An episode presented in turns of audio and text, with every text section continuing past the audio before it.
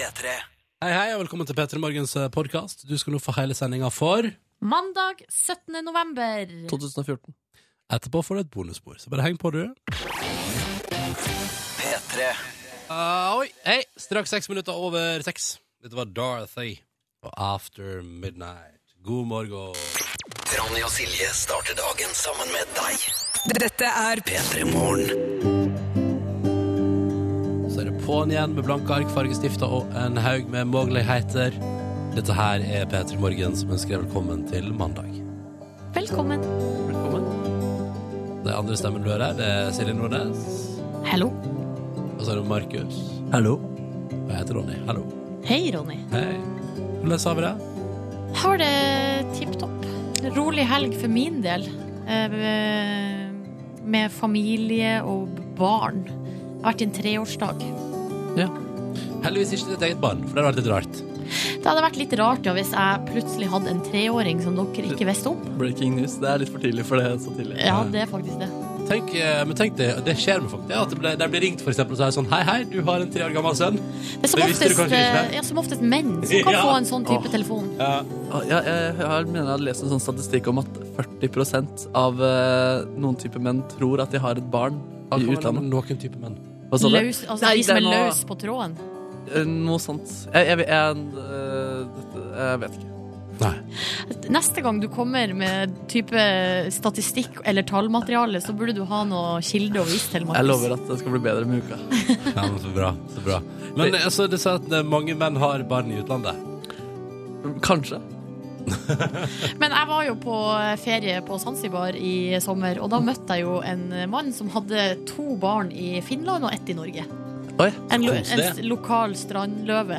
Yes. Så der, eh, der Jeg tror det er en strategi for å få samla eurobonuspoeng. Fordi han eh, planta barn i kvinner som kommer langveisfra, og så må kvinnene betale flybillett for at han kommer og besøker, og så tjener han eurobonuspoeng. Og han får poengene, ja. ja, ja, ja. Ja, ja, ja.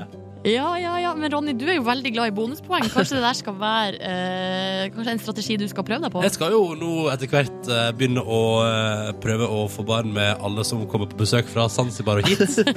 Eh, og så kommer jeg da til å kjøre eurobonus hele veien eh, dit. Ekkelt å se deg vandre rundt på byen og gå litt sånn alene og kikke etter eh, folk fra andre land. Ja, Eh, eh, bestefaren min han var eh, sjømann som var veldig mye ute og, med båten sin. Jeg, jeg, Båten hans er metafor? Ja, båten hans er ute og for, ja. Og jeg, jeg Altså, kanskje jeg har en slektning på et annet kontinent. Å, tenk det, da. Det er vært spennende. Man har jo ofte onkler og tanter i Amerika og sånn. Men det, Har har, man ofte det, eller er det bare noe man sier? det er noe man sier. Det er noe man sier, ja. Man har jo ofte et søskenbarn på Gjøvik òg, men jeg har ikke det. Jeg er ikke jeg der, faktisk. Har du det, Markus? Uh, nei. Men det er interessant, da, det, jeg vet ikke om det er sant, da, men noe som alltid sies, er at uh, langs norskekysten, og særlig oppe i Lofoten og sånn, så er det vel, veldig mange med mørkt hår og brune øyne. Ja! For der var det portugisere og spanjoler som seila og handla med kleppfisk i sin Mm. tid. Og Yes. da la de ofte igjen litt spor Ja, I form av DNA! i form av DNA. Papirsvane heter låta. Hjerteslag heter bandet. Klokka den er ett minutt over halv sju. God morgen og god eh, mandag til deg der ute. Den 17. november har det blitt. Så hyggelig at du er med oss her i eh, P3 Morgens lille landskap. Her serverer vi kaffe. Her er det lov til å spise boller på en mandag hvis du ønsker det. Eh, og for så vidt alt annet du måtte foretrekke å ta inn også. Eh, og så er det lov til å være litt seint ute. Det går alltid bra her hos oss. Har du bolle der borte hos deg? Nei, jeg bare sier at det er lov. Det er lov. OK, så du har ikke det Nei, jeg har, jeg har slutta med boller her på radioen, Silje, for jeg vet at du ikke tåler det. Oh, ja, så da men, eh, har jeg resp respekt overfor deg, så sitter jeg med nystekte boller når jeg koser meg. Jeg har dette senere i dag. Det er jo tross alt bollemandag. Er det bollemandag i dag? Det er alltid bollemandag.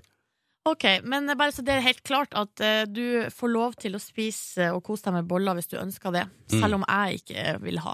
Ja, så hyggelig. Ja. Eh, men hvordan går det der ute? Vi vil gjerne høre fra deg. Og da er det jo den evige måten å ta kontakt med oss på, som fungerer som ei kule. Det er SMS-tjenesten vår. P3 skriver du først i meldinga, eh, for da kommer den fram til oss. Så da skriver du det da på hjertet og sender av gårde til 1987. For eksempel om du har opplevd noe hyggelig i helga, om det er noe du gleder deg til du skal oppleve denne veka som kommer, Mm. eller om du har opplevd noe spesielt på morgenkvisten i dag. Så er det bare å fortelle om det. P3 til 1987. Gudmund har sendt eh, tekstmelding og skriver eh, Kjære P3 Morgen, ble ny singel i helga og gikk ut på byen på lørdag.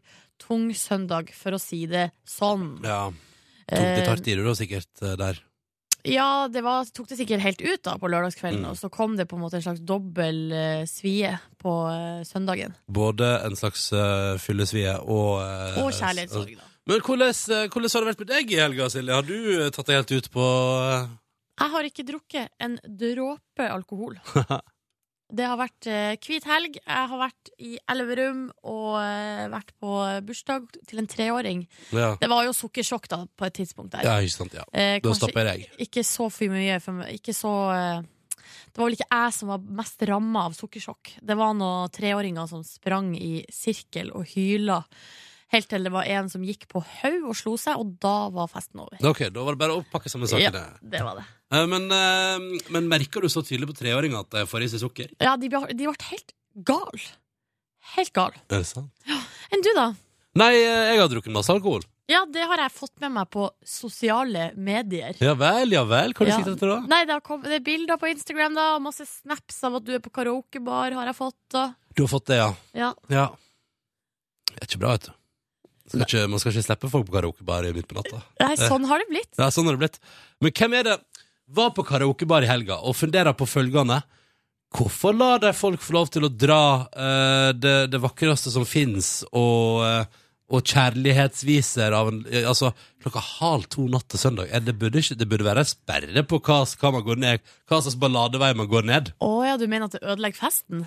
Ja, når det står ei kvinne i 50-åra og synger 'Du er det vakreste som fins', så er det noe feil. Men det er jo litt koselig òg. Kan man holde rundt hverandre og vugge fram og tilbake? Ingen i det lokalet var keen på å stå og vugge og holde, holde rundt hverandre. Ok. Hva var anledningen, egentlig? Hva mener du? Må, Karaokeanledningen? må, man ha en, eh, må man ha en anledning for karaoke? Nei, nei, nei, men hvis det nå var det, så Nei, det var et bursdagsselskap. eh, Det var et ønske om å gå dit. OK. Ja, ja. Men jo da, karaoke, det Det så veldig artig ut. Så jeg har drukket masse alkohol. Ikke spist så masse sukker. Gratulerer. Tusen takk. P3 til 1987 hvis du hører på. Du er hjertelig velkommen.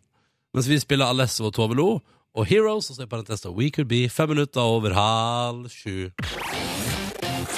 P3 Alesso og Tove Lo på NRK P3, og låta som altså heter Heroes, We Could Be. Og et par faste venner har meldt sin ankomst til mandagen i SMS-innboksen. CNC-Jørgen, for eksempel, med en liten update. Han har meldt at det har vært en bra helg i Bergen. Og så kan man jo tolke neste setningene slik man vil. Så, Traff ei helt rå dame på fredag, så i dag er han, er han creepy karen som sitter eh, og gliser for meg sjøl på bussen. Fra øre til øre.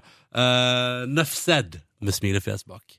Så Smile, blunkefjes. Så, der har det skjedd et eller annet, eh, sannsynligvis. tolker jeg det som at det har skjedd et eller annet. Ja, det har vært noe hygge har det vært i løpet av helga der. Er helt rå dame, sier jeg, Jørgen. God stemning. Så hyggelig, Jørgen. Bra helg eh, i bakhånd der. Fint, fint.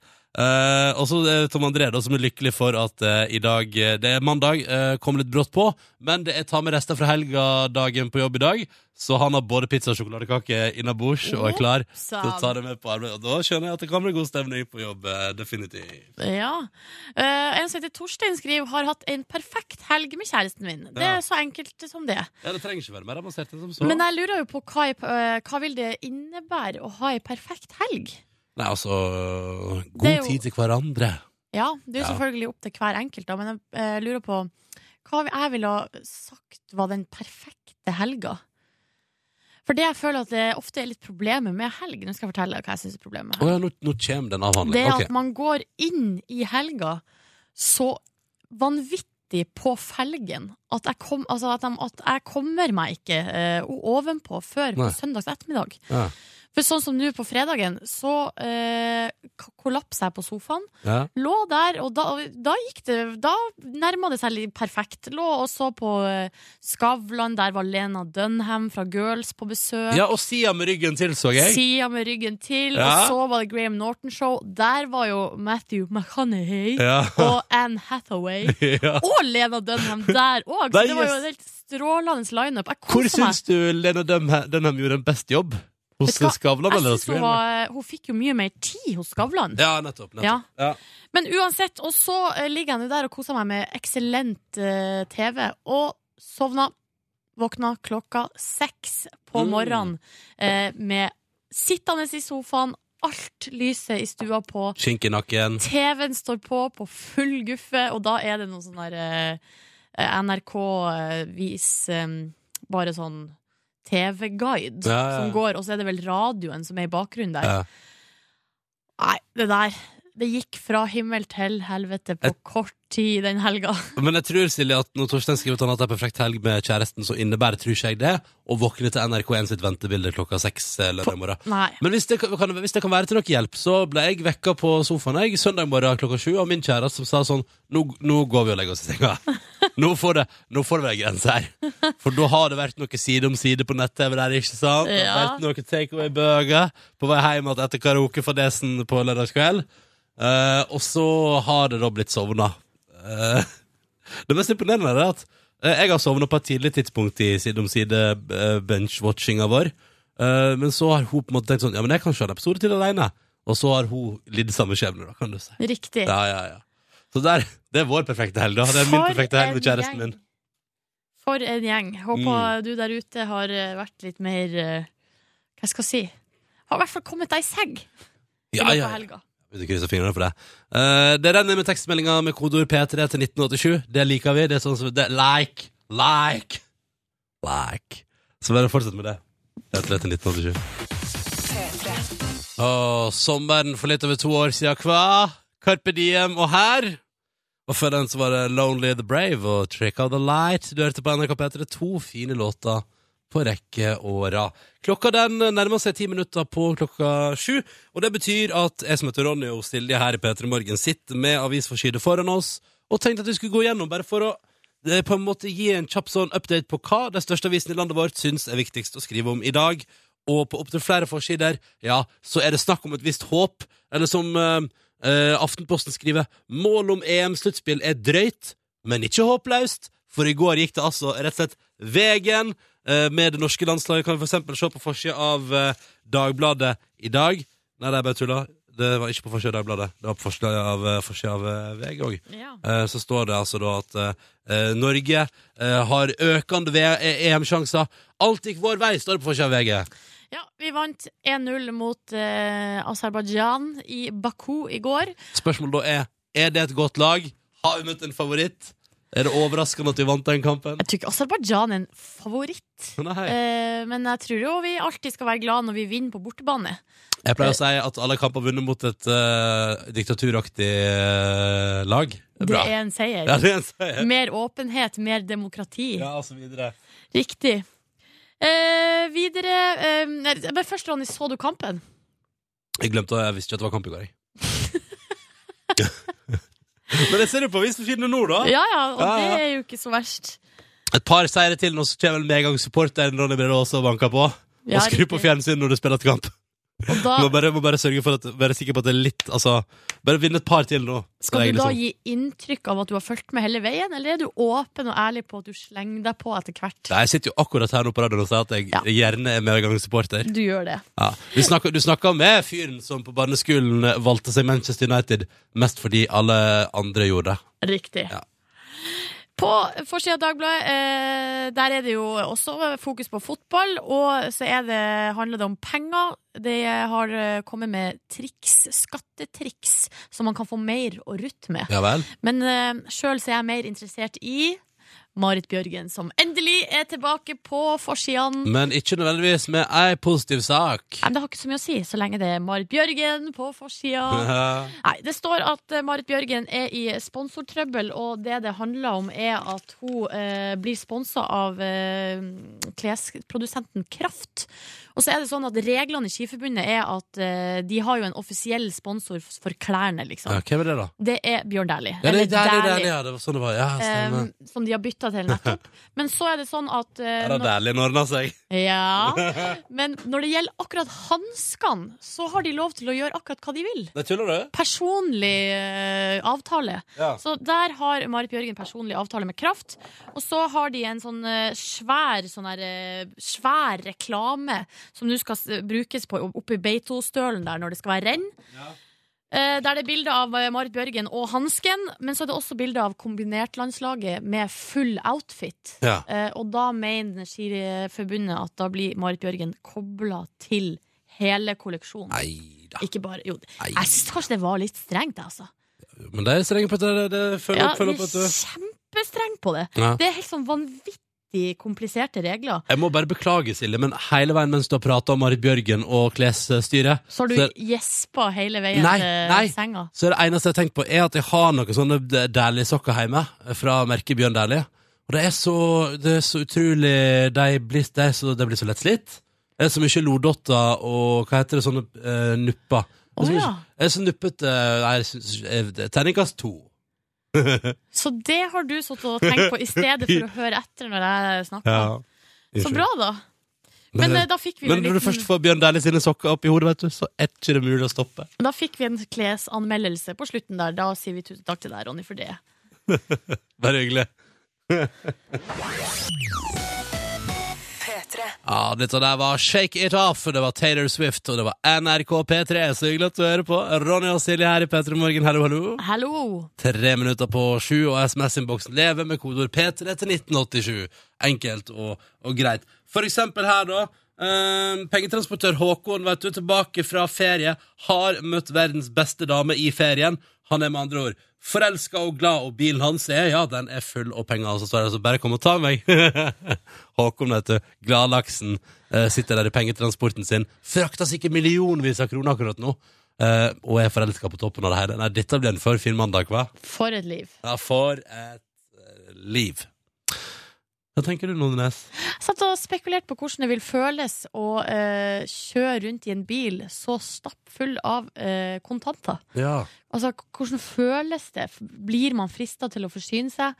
Um, eller er det bare Eller er det, er det sånn at selv om man ikke kan forsyne seg, for det kan man jo ikke gjøre, det er jo Mm. ikke dine penger, nei. vil man likevel føle seg litt ovenpå? Bare av det faktum at man vet at man har masse penger i bilen? Jeg tror det er et eller annet med at hver gang du åpner bakdørene der, så ser du liksom inn på et vel av penger.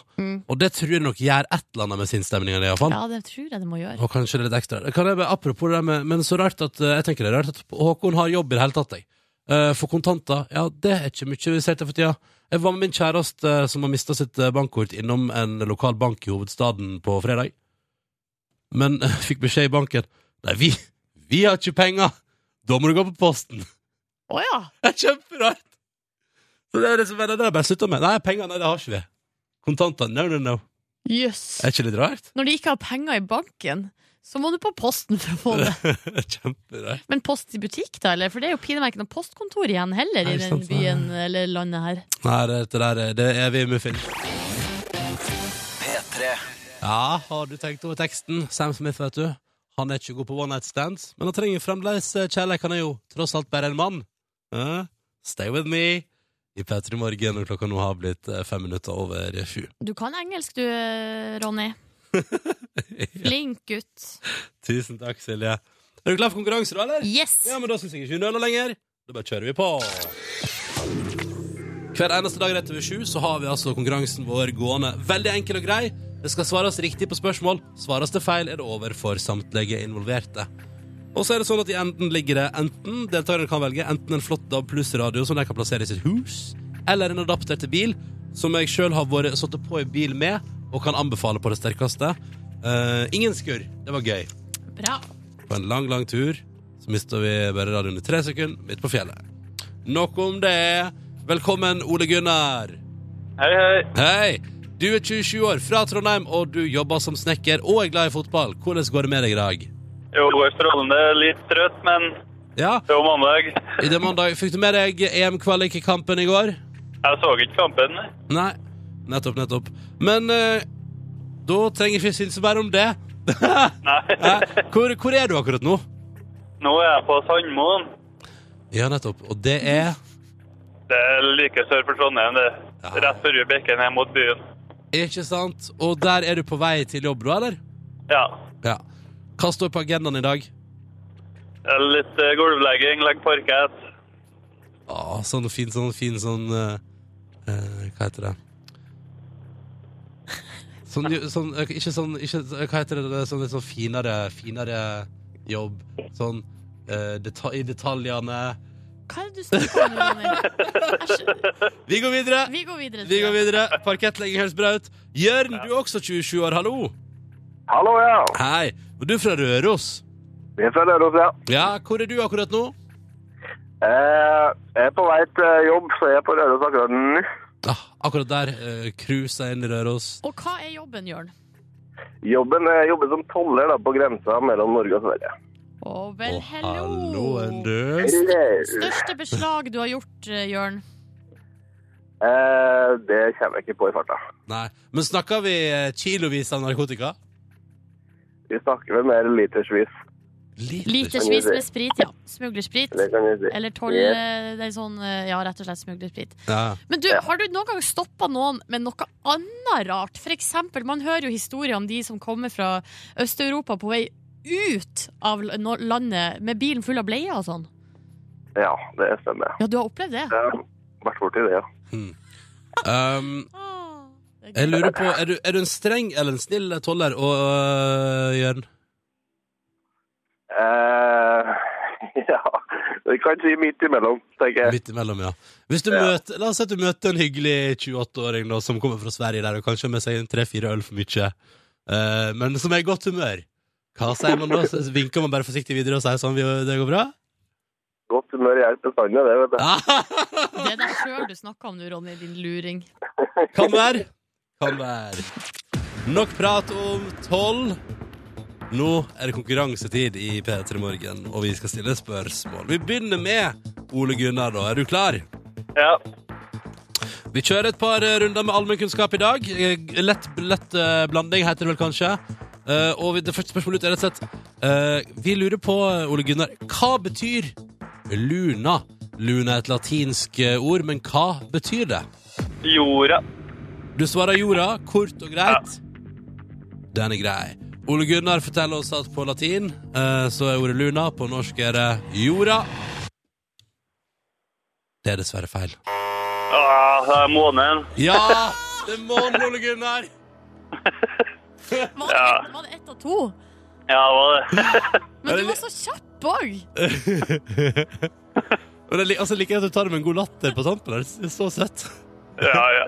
Ja. Men spørsmålet er hvordan tar uh, Jørn det? Ja, hvordan tar Jørn det, egentlig? Tar det med knusende ro. Ja, da er det jo uh, deilig god stemning her. Og Jørn skal uansett bort på tollgrensa der og se om han møter noen uh, østeuropeere med bilen full av bleie eller lignende. Eh, Ole Gunnar og Jørn, det betyr at konkurransen vår stopper her, altså. Men vi må bare si tusen takk begge to for deltakelsen.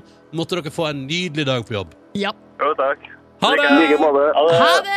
Å, dette var gøy, da, Nordnes. Dessverre gikk det ikke hele veien, men vi prøver i morgen. Ja, Vi prøver igjen i morgen, og hvis du har lyst til å være med, så kan du ringe og melde deg på. Nummeret er 03512. Jeg gjentar 03512, og du må ringe og melde deg på nå! Supermassive Black Hole, ja. Dette var Muse på NRK P3 i eh, P3 Morgen. Um, Supermassive Black Hole, ja. Nok om den. Klokka er 18 over 7, og vi skal prate om en sak som du finner langt oppe på nrk.no denne mandagsmorgenen. En gledens eh, sak, men kanskje med farlig bieffekt, vil jeg til å påstå. Eh, Det er NRK Vestfold som har laga saken som forteller at julekake, ja, det øker sexlysten. Nei, men Ja, det er snakk om at krydderiene du finner i blant annet pepperkake, ikke sant? Og i sånn pepperrot og sånn. Hva heter det? Sånne, sånne små Peppernøtter. Peppernøtter, det er altså så digg. Unnskyld meg. Men ja, de stoffene utløser dopamin i hjernen din og gjør deg både glad og litt grann mer kåt. Det står også her at hvis du kombinerer dette med sjokolade Altså Hvis du på en måte dytter i deg pepperkake som du kanskje har eh, lagt et deilig lager med sjokolade rundt, ja, da eh, er altså Da er det komplett, vet du. Da er det bare å kjøre på. Eh, så spørsmålet er blir man mer kåt i jula. Silje Nordnes.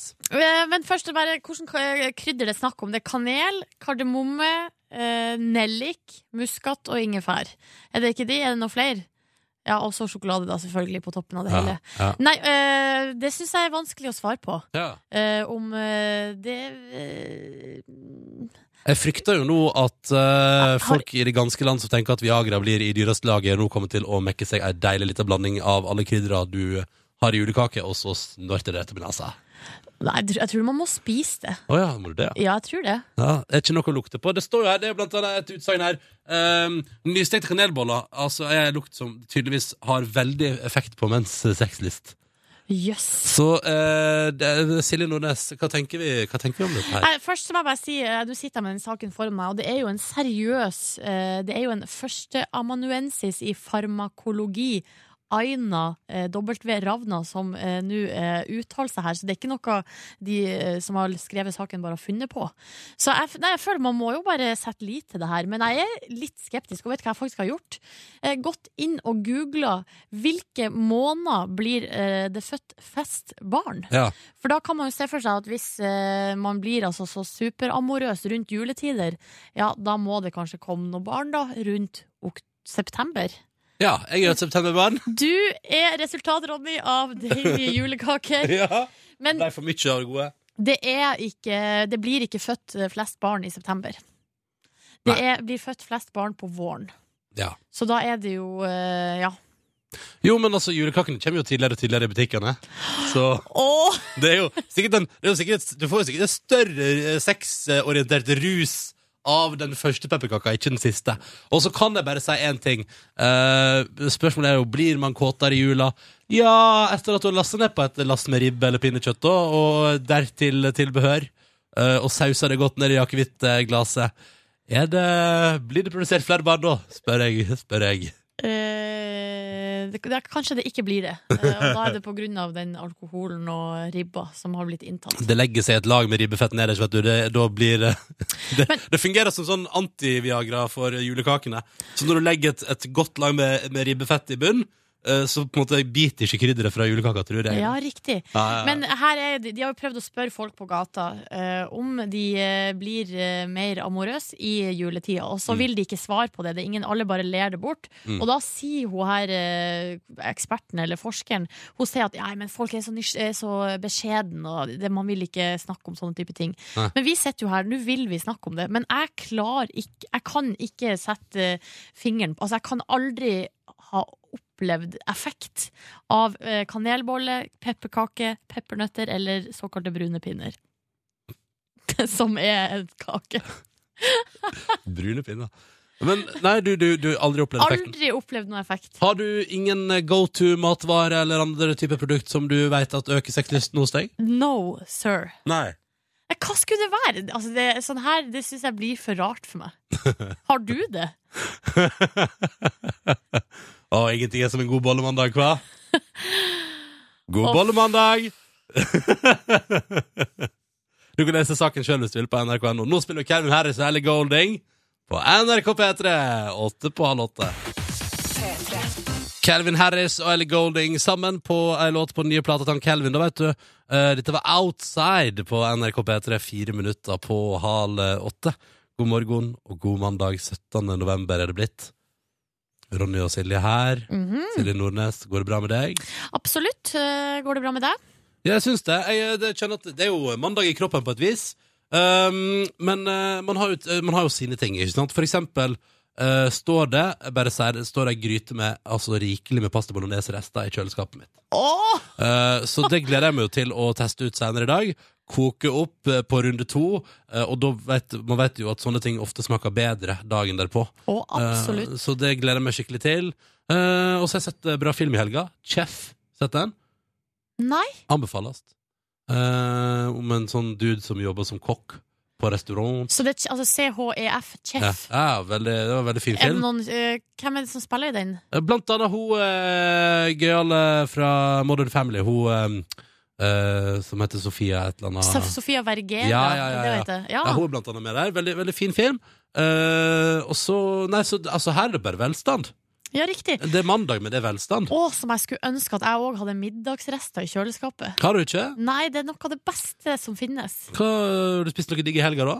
Ja, ja, jeg spiste masse. Jeg har jo vært eh, på besøk og fått servert eh, deilig middag. Eh, og så var det jo pølse i går i bursdagen, da. Oh. Og selvfølgelig masse kaker og sånn. Mm. Og i går da jeg kom hjem med bussen ganske seint, så var jeg, da hadde jeg det der problemet. Velkjente 'hva skal jeg spise til middag', kommer hjem seint. Mm. Eh, har allerede spist Burger King i helga, for det gjorde jeg på fredag.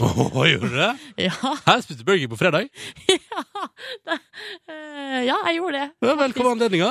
Jeg hadde vært på trening, og så skulle jeg hjem. eh, og så vært på trening og er sånn Hvordan kan jeg fortest mulig få brukt Eller få tatt inn igjen kaloriene jeg nettopp har, har brent på trening? Nei, sva- eh, det var, Nå har jeg vært på trening, og jeg er så sliten og trøtt. Eh, hvordan kan jeg fortest mulig få i noe mat i kjefthølet? Ja. Svaret var Burger King. Så da var jeg altså inne på Oslo City i treningstights, som jeg har lest, eh, nei, eller lært av minmote.no at ikke er lov. Man skal ikke gå med treningstights ute blant folk. Men eh, det ble nå sånn, da. Um, jo, men i går så jeg kunne ikke spise Burger King på nytt. Sånn var det, så derfor så lagde jeg meg en omelett. Det var godt, det, altså, men det er ikke så tilfredsstillende. Og jeg Nei. har ikke rester etter Omelett omeletten. øker ikke sexlysten. Uh, nei, Nei. nei. det gjør det ikke. Uh, jeg liker at du spiser Burger King-mat oftere enn meg, forresten. Det som er sjukt med denne låta her, er at det er et one take. Altså, den er spilt inn på første forsøk eh, ca. en halvtime etter at Onkel P hadde rabla ned teksten på låta. Tenk deg det, da. Helt sjukt. Det er helt sjukt. Så bare gikk de i studio, spilte den inn en gang, og vips, der satt den. Styggen på ryggen, Onkel P og de fjerne slektningene. Nominert til årets låt under P3 Gull. Ja. Nå er det under to uker til P3 Gull, altså. Det blir veldig veldig spennende. Eh, og inne på p3.no så ber vi aller audmjukstest om at du som hører på, en, du som er vår venn her i P3-universet, at du hjelper oss å bestemme hva som skal bli eh, årets uh, låt. Ja, og I tillegg til uh, Onkel P og slekta uh, med styggen på ryggen, så er det altså High as a Kite eh, med Since Last Wednesday, Store P, Vil ikke være din verden, Gabrielle, Fem fine frøkner og Kave og Snufs, Mm. som er nominert til årets låt. Så gå inn og stem. Jeg stemmer nå, jeg. Ja, for det synes jeg det er en eh, Du må gjøre som eh, du bør. Du må gjøre som du bør. Du må bruke din stemmerett. Mm.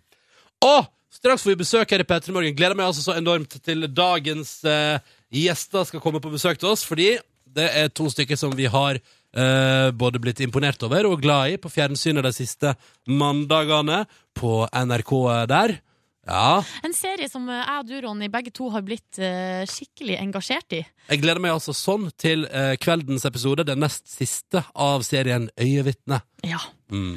Og eh, det er jo de to guttene der, da. Eh, Philip og eh, Henning. Henning Sorry, jeg holdt på å glemme navnene. Eh, som, de spiller jo på en måte hovedrollene. Det er jo de to eh, guttene som blir da øyevitne til et, eh, en massakre i første episode. Dette er ingen spoiler, altså, for dette skjer i løpet av de, siste, de første fem De første fem minuttene skjer det, og så handler jo hele serien om eh, etterforskninga og rollen til de her to guttene. Ja, for de er jo egentlig keen på hverandre, ikke sant?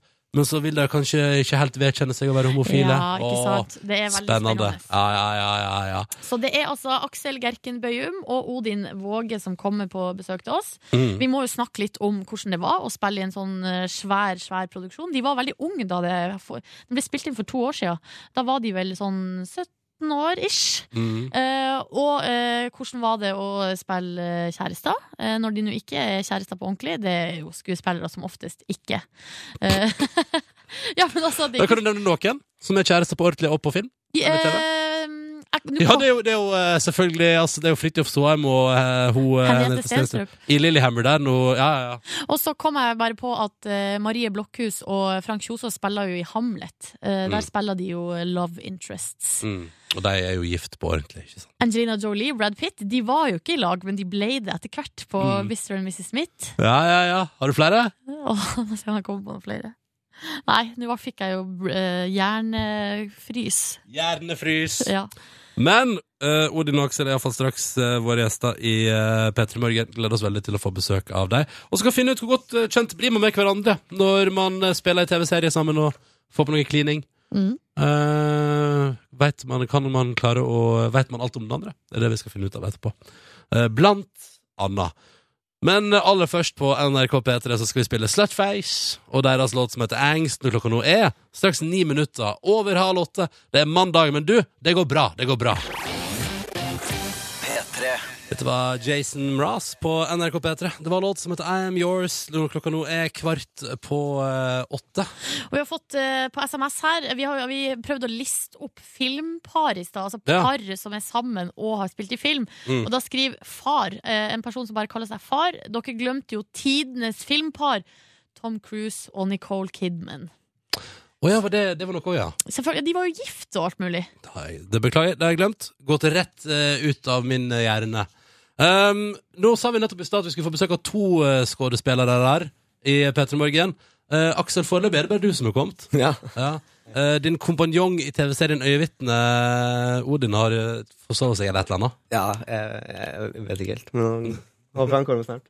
Dukker sikkert opp på sikt, vet du. Ja. Eh, men eh, velkommen, Aksel. Takk. takk. Du spiller Philip, du, da, i Øyevitnet, som har nest siste episode på NRK i kveld. Yes. Eh, og jeg har allerede sagt en låt der at du, får, du må ikke prøve deg på noen spoilers her. Det, det er sint. Og jeg har så lyst til å stille masse spørsmål om hva som skjer eh, i kveld og i eh, siste episode som kommer neste mandag, men eh, nei, du må ikke si noe, for da klikker det for Ronny. Jeg skal ikke si noe. Nei, det er bra. Det er bra.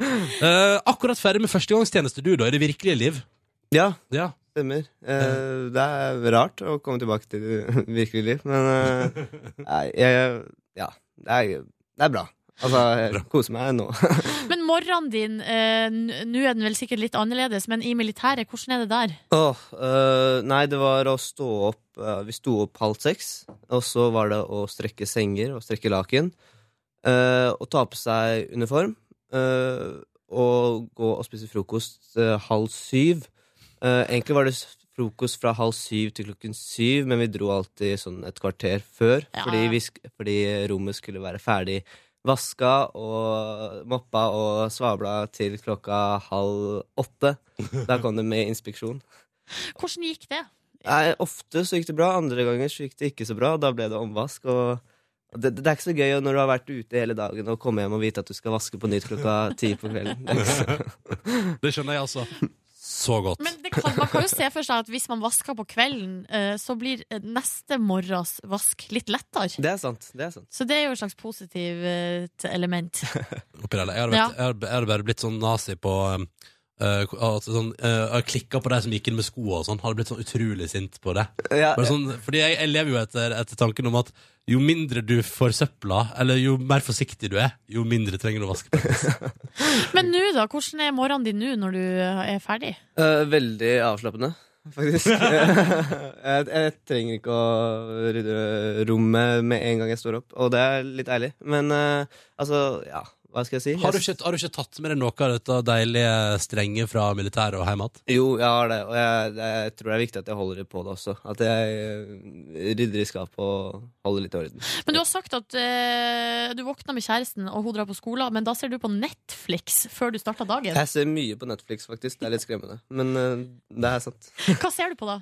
Uh, nei, jeg ser på det meste, egentlig. Uh, nå ser jeg på True Detective. Jeg har, eh, nei, det er på HBO, men jeg har faktisk ikke fått med meg den. Og så liker jeg veldig godt uh, Jeg vet ikke om jeg har sett den Derek på Netflix. Bare hørt om. Ja, Ja, Det synes- med han uh, Ricky Gervais. Ja. Ja. Den syns jeg er veldig fin. Ja. Kan jeg se om igjen og om igjen. True Detective, terningkast. Uh, Foreløpig en uh, femmer, faktisk, for den er veldig intelligent og, og spennende. Så ja, absolutt. Uh, Aksel Lund prater mer med deg om uh, øyevitnet straks her i P3 Morgen, men aller først nå litt grann Gabrielle i radioen når klokka er 11 minutter på åtte. Klokka den er åtte minutter på åtte, og vi her i P3 Morgen har besøk av Aksel Gerken Bøyum, som er, spiller Philip i serien Øyevitnet, som du ser på NRK Fjernsynet på mandagene. Nest siste episode i kveld. Uh, Aksel, hvordan var det å spille i en sånn svær, svær dramaserie? Eh, først og fremst var det Det var veldig moro. Ja. Uh, vi hadde det veldig gøy. Uh, og det var Altså, det var jo en utfordring. Jeg spiller en karakter som har eh, mye følelsesmessig preg på seg konstant. så Og masse det, issues. Ja, det er det. Masse issues. Så det var noen tunge dager, men jeg syns det er, var først og fremst veldig gøy å bli kjent med de jeg spilte med, og i det hele tatt være med på noe så kult og stort. Din, Men- første, din første audition, du var, du var 16 år, så det Ja. begynner å bli noen år siden dette her. Ja, Pågått lenge. Det blir det. Eh, 16 år når vi starta, så tok, var jeg vel inne i et halvt år på auditions, inn og ut. Sånn, Ja, for det var 600 stykker som eh, på en måte søkte om rollene til å bli enten eh, Philip eller eh, Henning, Mm. de to guttene. Og så Mm. var det altså du og Odin som til slutt gikk seirende ut av den prosessen. Ja, ja, det er sant. Eh, ja, jeg var vel innom sånn 13 ganger, og så var jeg og prøvde med forskjellige hele tiden. Eh, siste auditionen min av sånn 13 ulike auditions, så spilte jeg med Odin. Ja, og, ok. og det som er morsomt, jeg hadde egentlig alltid vært Henning på audition. Ja. Eh, på siste audition så er jeg, Odin han er en litt mer Henning-type, så de skulle bare prøve meg som Philip. Bare spille mot han. Ja. Eh, og så fikk jeg rollen som Philip etter det siste. Jøss! Så så det det var først der da det liksom fa- brikkene falt på plass? Ja, jeg tror det. Uh, jeg tror det. Og så Det var veldig naturlig å spille mot Odin. Jeg merka med en gang. Det er Ja. sånn man merker med en gang. Mm. Det er naturlig. Og så er det jo sånn at eh, de to guttene, Henning og Philip, de har jo da varme følelser for hverandre. Visste dere det? Eh, nei, det visste vi ikke før siste uh, runde på audition. Og da var vi fire stykker igjen Ja. av 600. Og, og jeg husker at det var, det var, uh, var et sjokk. Det var, vi ble innkalt her på NRK, og jeg trodde vi skulle på en ny audition, men jeg hadde ikke fått noe tekst eller noe sånt. Mm. Men så sa de at ja, de to karakterene dere har spilt for, de har følelser for hverandre. De er kjærester, ish. Eh, og, og da ble vi sånn wow, ok. Eh, men vi var så inni det, og det var så eh, Det var bare en faktor som spilte, så man må bare se på det som en utfordring, og det var faktisk gøy å spille det. Ja. ja. Vi har et uh, klipp. Det er jo fra, det er fra første episode, det her òg, så det er ikke noe megaspoiler. Mega. Vi kan jo høre litt uh, liksom, uh, Hva skal jeg si? eh, Forholdet mellom Henning og Philip. Hva hadde du gjort hvis jeg var dama di nå? Det vil du ikke vite engang. Jo.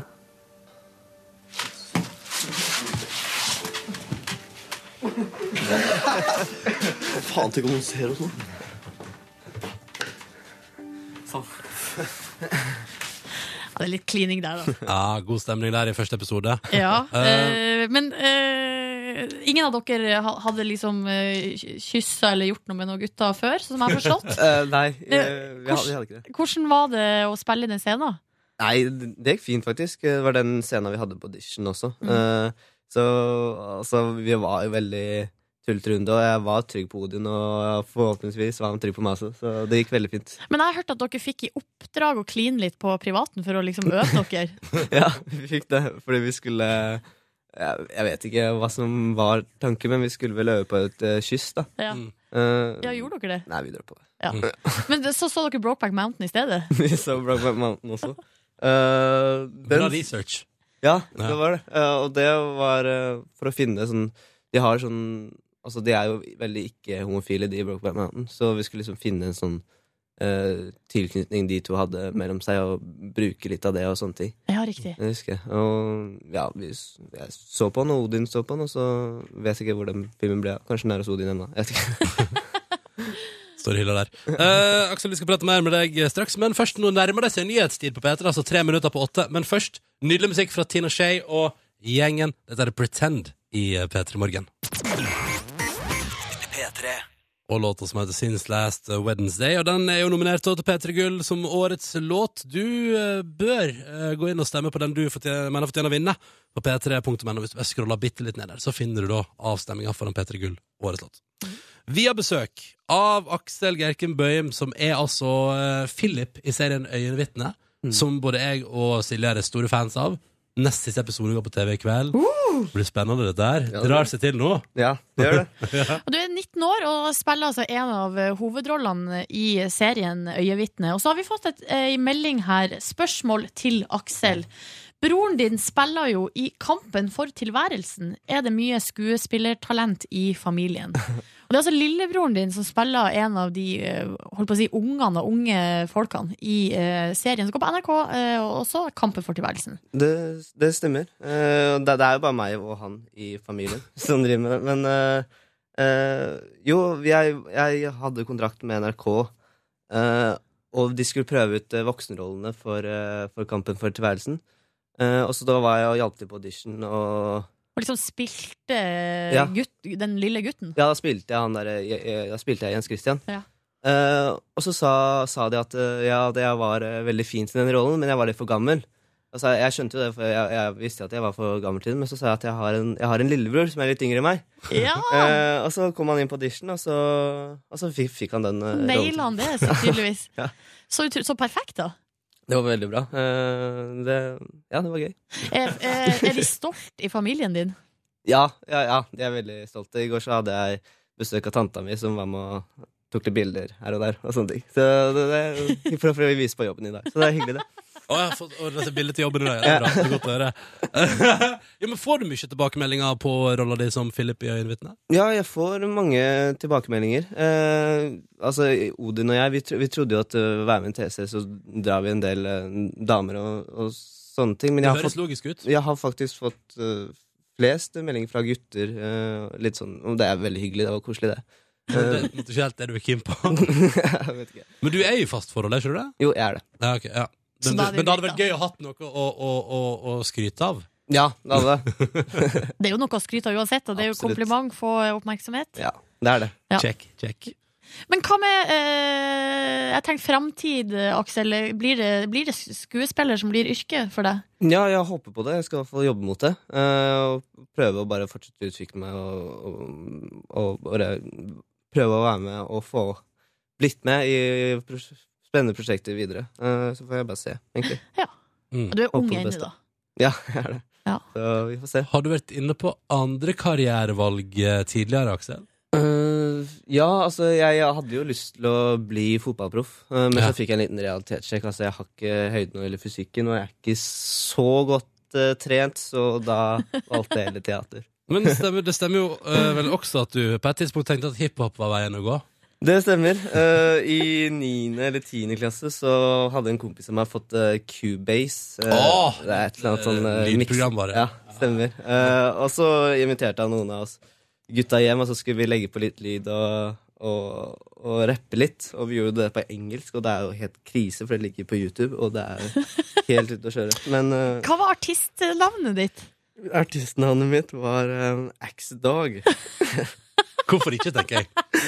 Vi har et klipp her. Ja. Ja, vi har gravd oss fram til et klipp. Der skal vi trykke play, eller? Ja, jeg vet ikke hva låta heter. Det er altså X-Dog, men hva heter låta? Nei, vi hadde ikke noe Nei. på det. Det er ikke noe refreng eller noe. Det var er ikke verst. verst at eh, Når du nå gruer deg til å høre på det, så kjenner jeg at det er deg også. Dette er altså X-Dog. La oss høre på de hiphop-fortid, eh, Aksel. Yes. This is my life and I hate it. Why can I just admit it? On the stage, I drop off. But except for that, I ain't am but they don't know that my life is a mess. I hate my life. Altså, Hvor dårlig var livet ditt på ungdomsskolen? Det var ikke så ille, tror jeg.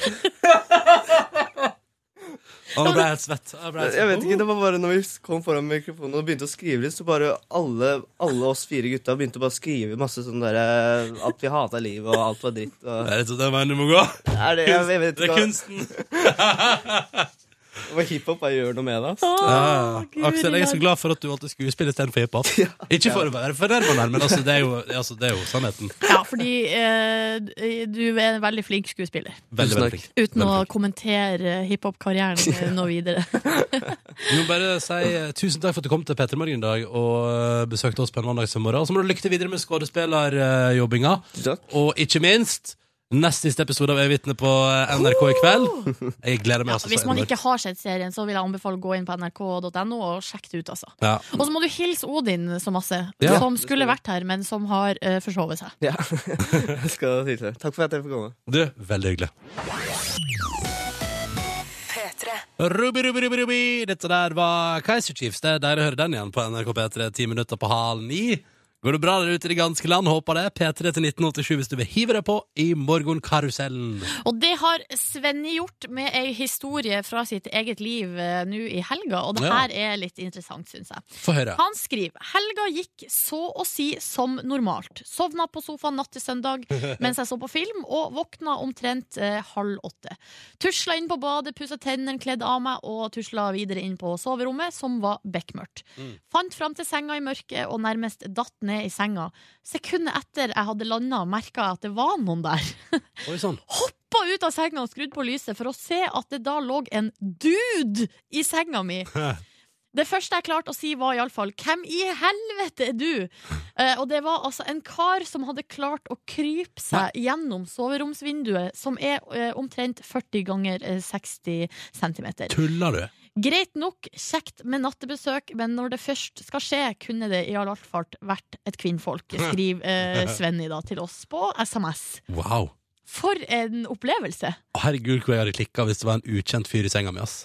Eh, Ja, det hadde blitt utrolig dårlig stemning. Jeg har jo en venninne som eh, våkna opp hjemme hos seg sjøl. Eh, Samboeren var borte. Eh, og så lå hun i senga si, og så hørte hun noe sånn her eh, sånn rasling ute på stua. Ja.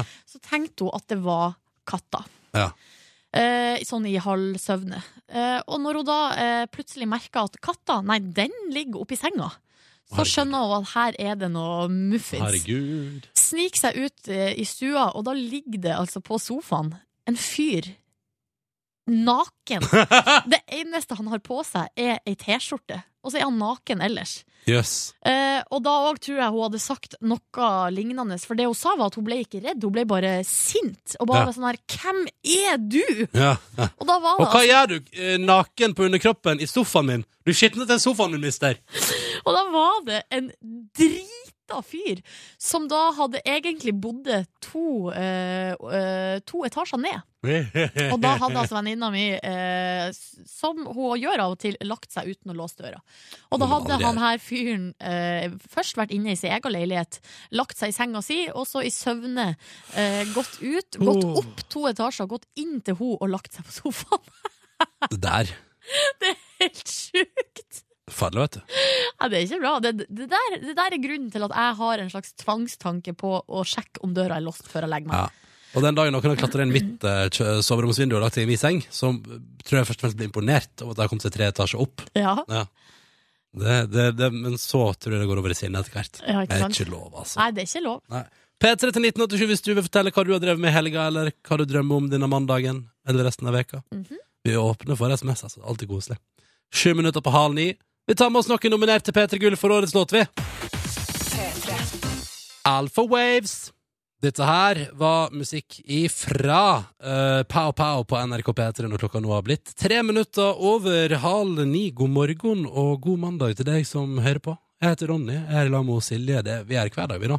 Det stemmer. Mm, og det er du også, Markus. Det er. Det stemmer. Hallo. Hallo, hallo, hallo. Ja, at det er fin helg, da, mister. Det har vært en helg med latter. Ha-ha-ha. Vin. Glugg, glugg, glugg. Piker. Heidammer. Og sang. Mm. Du, du, du, du, du. Eh, jeg har rett og slett en veldig god helg der, altså.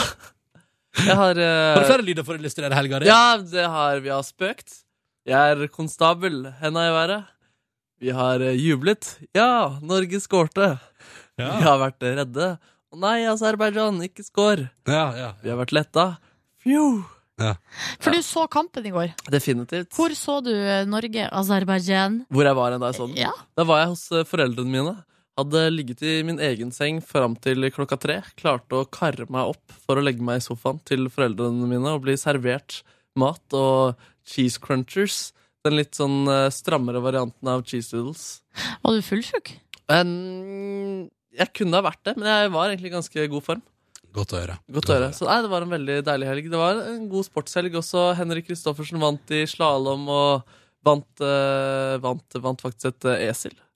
Som han, som han kalte for Lars. Ja, mhm. Ja, riktig. Vant han et esel? Ja, som han kalte for Lars. Hvorfor vant han et esel? Jeg vet ikke, det var noe med stedet, kanskje, som hadde en De ga- stolt de ga han et eselkultur. esel? De ga han et esel, ja. Å, hvorfor deler ikke man ut esel andre plasser? Jeg har lyst på et esel. Kan ikke vi dele ut DAB-eseler?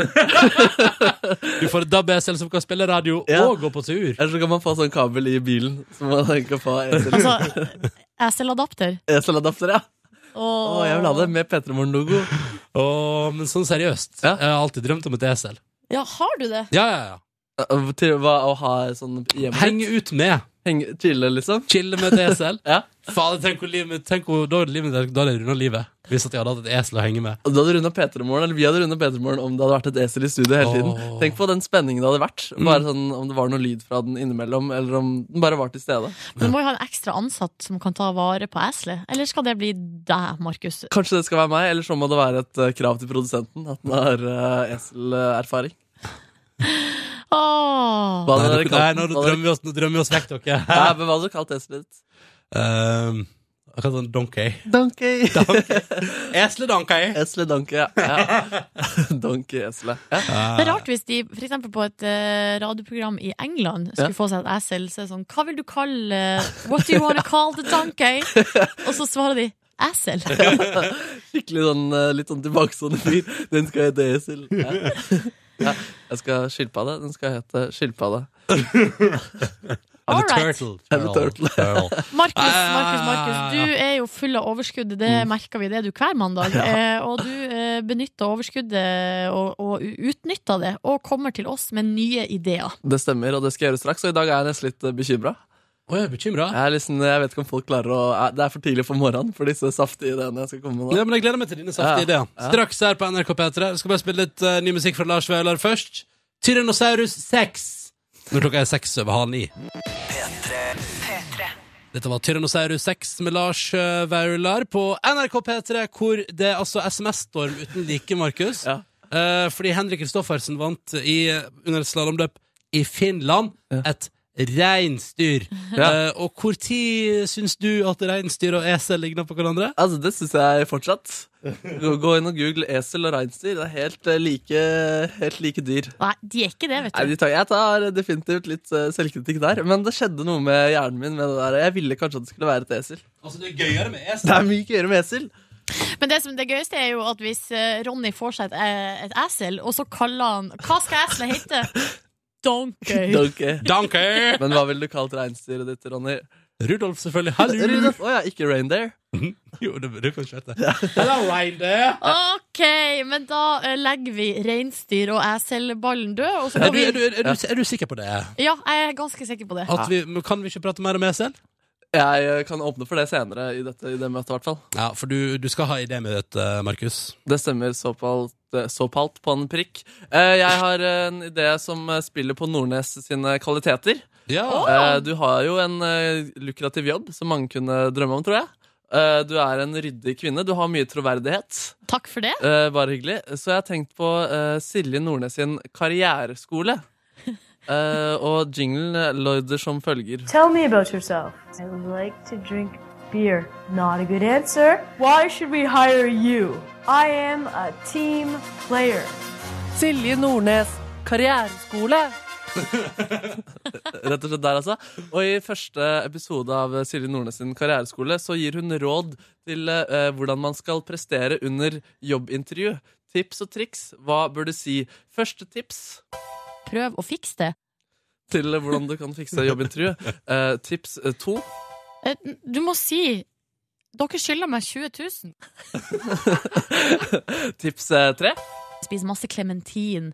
Ja. Og så en litt eh, smiskete sak. Ta med en siste sak fra uh, dyrenes verden. Ja. Tips uh, fem. Dans til armer og bein begynner å svikte. Litt merkelig intervjuteknikk, men hun fortsetter med flere tips. Gråt og gråt og gråt og gråt. Tips syv. Redd uh, hele trolldomverden og verden for øvrig. Og det er ikke så dumt. Og så et siste tips fra Nordnesen. Og husk på, kos deg, se noe du liker på TV, lag deg noe god mat. Bare gjør akkurat det du vil. Det var sånn du fikk jobben i Ja, P3 Morgen. Det stemmer faktisk. Det stemmer faktisk, ja. Og der, eh, det er altså Ronny kunne jo vært med på spalten, men så fant jeg fram til ett tips. Altså Dette er liksom det Ron, tipset Ronny pleier å gi, og det er derfor han ikke fikk lov til å være med på denne spalten. Det var jo en lege som praktiserte i Sogn og Fjordane en stund, som løste alle problemer med å stikke en finger opp i rumpa. Ja. Ja, ikke sant? Det, man får ikke jobb ved å stikke en finger opp i rumpa. Rett og slett. Silje Nordnes karriereskole. Ja, jeg skulle, altså, skulle gjerne tatt på meg den uh, rollen som eh, orakel og rådgiver i forbindelse med yrkesvalg og uh, jobbintervju. Ja. Men jeg vet ikke helt. Jeg tror ikke jeg gidder. Du ikke du? Det Nei, jeg, Å, jeg vet ikke om jeg har kompetansen som trengs Men på området. det, det var mer det, ja. Mer enn at du ikke gidder. ja. Eh, Takk for det. Nei, ja, ok. Ja, men det, jeg kan eh, leve med den tilbake. Takk for tilbakemeldingen. Ja, men, Takk for at du kom med en ny idé til radioprogrammet, Markus. Vi setter alltid pris på det. Ja, hyggelig. det gjør vi. Nå spiller vi Becky G, vi, Markus. Ja, deilig, det. Mm. Og fantaserer om å eie et både reinsdyr og esel. Så er det kvart på ni. Her er Can't Stop Dancing. God mandag, da, folkens! P3. Dette her var The A-Team av Ed Sheeran på NRK P3, ni minutter på eh, ni. Eh, og jeg har kommet over en nyhetssak som uh, Hva skal man si? Da krysser jeg av i boka for uh, nye muligheter til å unnskylde manglende trening i livet for øvrig. Fra NRK.no, altså i helga. Der er det ei sak fra Lørdagsrevyen om at flere og flere trener på seg livstrugende diagnoser.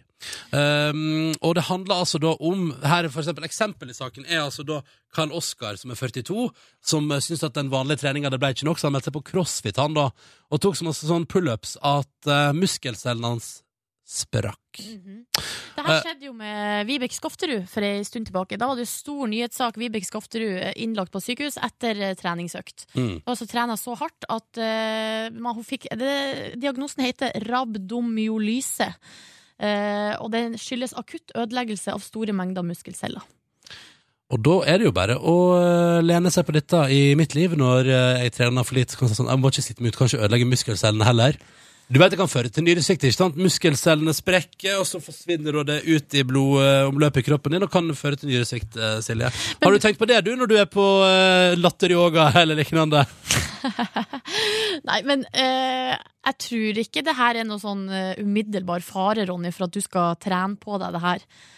Fordi du, du Når jeg kommer etter trening og sier at jeg, blir stø, at jeg er støl, så, så er du ofte overraska over det, eh, og syns at det er rart.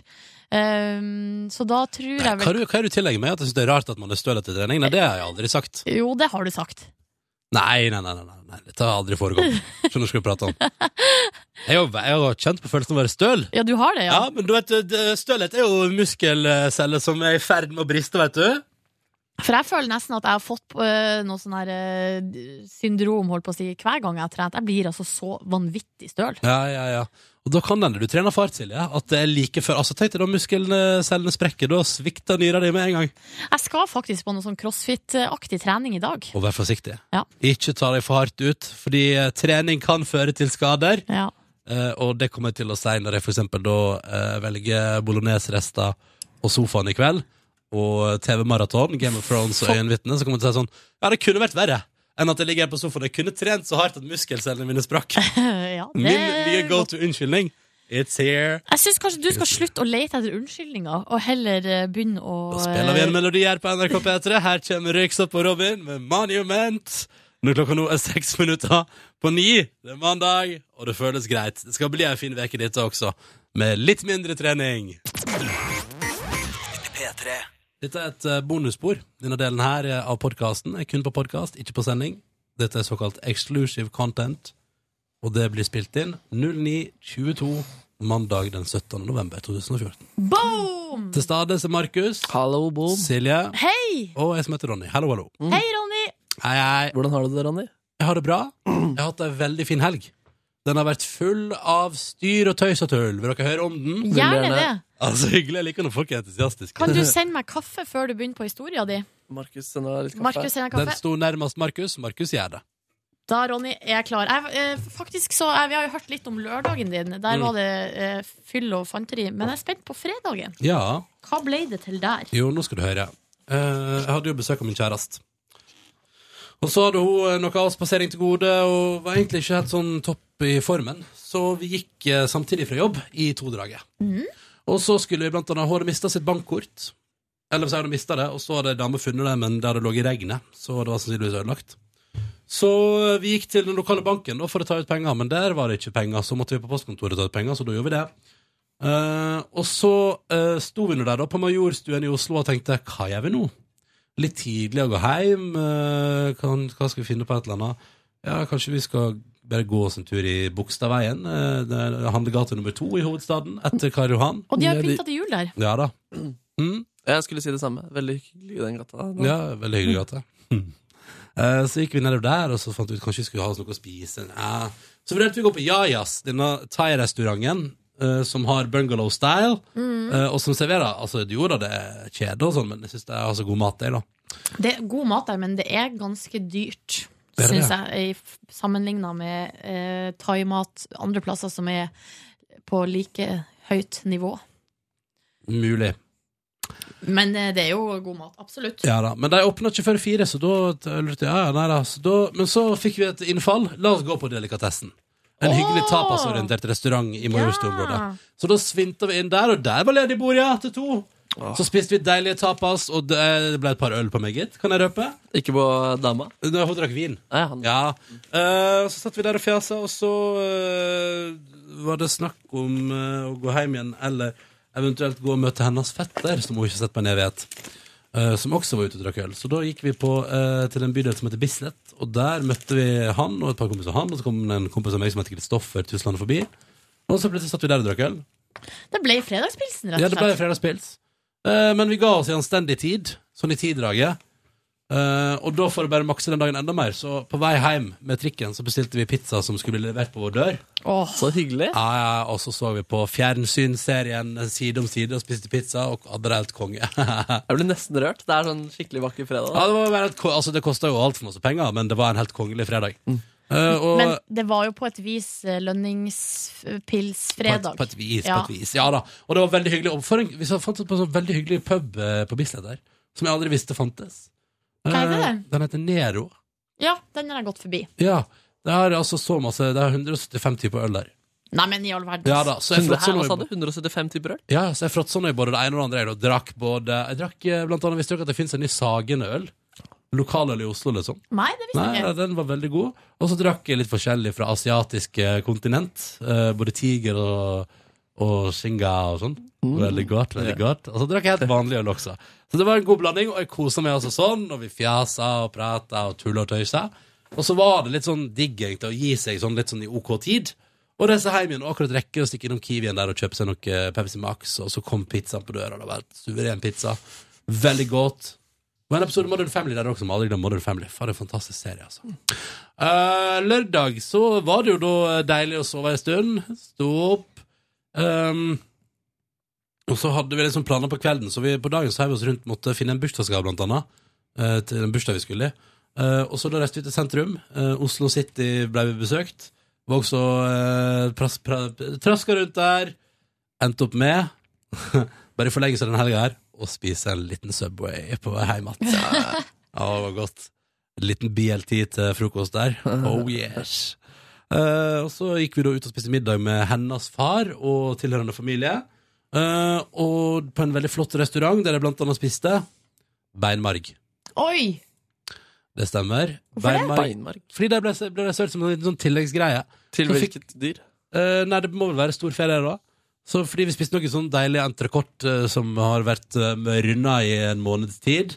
Og så fikk vi også servert litt sånn bein med beinmarg oppi. Og det, var, det smakte som jeg vil si, potetmos, bare med veldig mye hvitløk og urter. Det var faktisk ikke så gale, men det er jo litt rart å spise liksom beinmarg av dyr. Eh, men det gjorde vi. I tillegg til andre ting spiste jeg blant annet, bare for å skryte av meg sjøl og min innsats, spiste fjellørret. Ja da. Oi. Ja da. Men Jo du likte det, eller? Men det er nesten Var det- samme som laks. Ja, det er det. Men var det svigerfarpresset som fikk deg til å spise? Nei da, men jeg tenkte nå kan du bare, bare prøve meg. Var det godt, da? Du, det var kjempefint. Eh, Jeg syns kanskje entrecôten var høydepunktet, og en sånn deilig risotto. Ja, det var mye digg mat på bordet, og en veldig hyggelig aften med eh, kjærestens familie. da Så ble, Det ble skåla, og jeg fikk korreks. Hvorfor etter skåla, ikke du? ja. Ja, Så da måtte jeg ta meg sammen og gjøre det, da. Hva mener du med etterskåla? At du først skåler, ser på hverandre og skåler, drikker, og så etterskåler du. Før du setter glasset ned. Å, ja. yes. Etikettkurs? Ja, da fikk jeg litt etikettkurs på spontan der, men det var gøy, for vi lo av det at jeg ikke gjorde det. Altså. Ja, ja. Det er sjarmerende, da. ja, det var hyggelig. Det er heldigvis ikke noe pressure for å Du er jo en folkets mann, du, Ronny. Du representerer på en måte folket. Og det gjorde jeg også på følgende ting. Vi kom inn på denne relativt nyåpna og fancy restauranten. Eh, jeg og min kjæreste med hver vår pose med øl, for vi skulle jo videre. Så kom vi med øl i Kiwi-pose, da, og så sier hun eh, dama som tar oss imot, ja, selvfølgelig kan jeg ta imot. Skal jeg sette den på kjøla? Og vi bare, jøss, hvis du Så da sendte vi hun eh, hovmesteraktige dama da inn på vinkjøla deres med våre to poser med øl. Litt rart, litt flaut, men også veldig hyggelig. Men det er jo helt fantastisk. Ja, ja, ja, For en service. eh, Nedkjølt øl når vi gikk igjen. Da. Ja, for jeg trodde alltid at man liksom måtte skjule at man hadde med øl. Nei da, dette var ikke noe pes. Nei, så deilig, da. Men dette med beinmarg altså, det, Fordi det høres ut som en sånn stilig restaurant. Mm. Eh, men altså, Muk-kjøttet som blir så mye hata på, som er i à la Capri og Grandiosa eller andre Ja. typ, sånne type ting, er ikke det også beinmarg? Jo, men det er iblanda andre ting. vet du Dette var helt Ja. pur, pur beinmarg. Ja, men altså Hadde man sagt nå spiser du beinmarg som en sånn sjokkerende ting, så, så tror jeg ikke den eh, beinmargen hadde hatt eh, samme status. Men det, jeg bare prøver å kjempe for mukkjøttet her. At, det, at Ja. man ikke må Ja, du er en mukforkjemper. Jeg er en mukforkjemper. Ja. Uh... Altså, jeg spiste pølse i går, og uh, ja da, ble dårlig i magen. Men du så ikke også tilfeldigvis programmet Hellstrøm rydde opp i går? Nei. Der han var hjemme hos ei dame som altså er tobarnsmor uh, og har kjæreste. Og hun spiser bare pølse fordi hun mener det er det tryggeste produktet. Fordi du vet ikke hvor det kommer fra. Fordi, fordi hun vet ikke hvor det kommer Ja, fra. det Fy fader, altså. Vet du, de folkene der er Og så kom Hellstrøm og viste henne Det både Veldig gøy. altså Hun spydde allerede av tarmene som de pakka inn pølsa i, og så viste hun fram kjøttet du har inni pølsa. Og, da, og så måtte hun hjelpe til å stappe det, og så nekta hun å spise det etterpå. Men altså, mat er jo Altså, altså selv deilig biff. Du kan jo vise bilde av en skitten gris eller en eh, skitten ku, Mm. og så kan du bli grossed out av å spise en deilig biff. Nei, fordi at uh, en deilig Biff er et rent produkt, Ja. mens pølse er ikke det. Ja, Poenget mitt er at Og du kan vise vise joikakake, det er i Mm. hvert fall ikke et rent produkt. Poenget mitt Det er er dritt. Du kan vise en grotesk film av at man skjærer inni grisen, og at uh, den biffen ligger rundt masse deilige uh, tarmer og fett og det som er, og så kan det bli grossed out. Men biffen er kjempegod. Men, eh, men det som i alle fall skjedde, var jo at eh, hun blant annet så hata hun eh, eh, grønnsaker på generell basis, og spesielt gulrøtter. Faen, så Ja. barnslig. Hun visste ikke hvor det kom fra. Eh, Nei, men hun syntes det bare var ubehagelig. Og eh, Eivind Hellstrøm trilla fram de deiligste retter, og hun syntes det var helt utrolig grusomt å spise.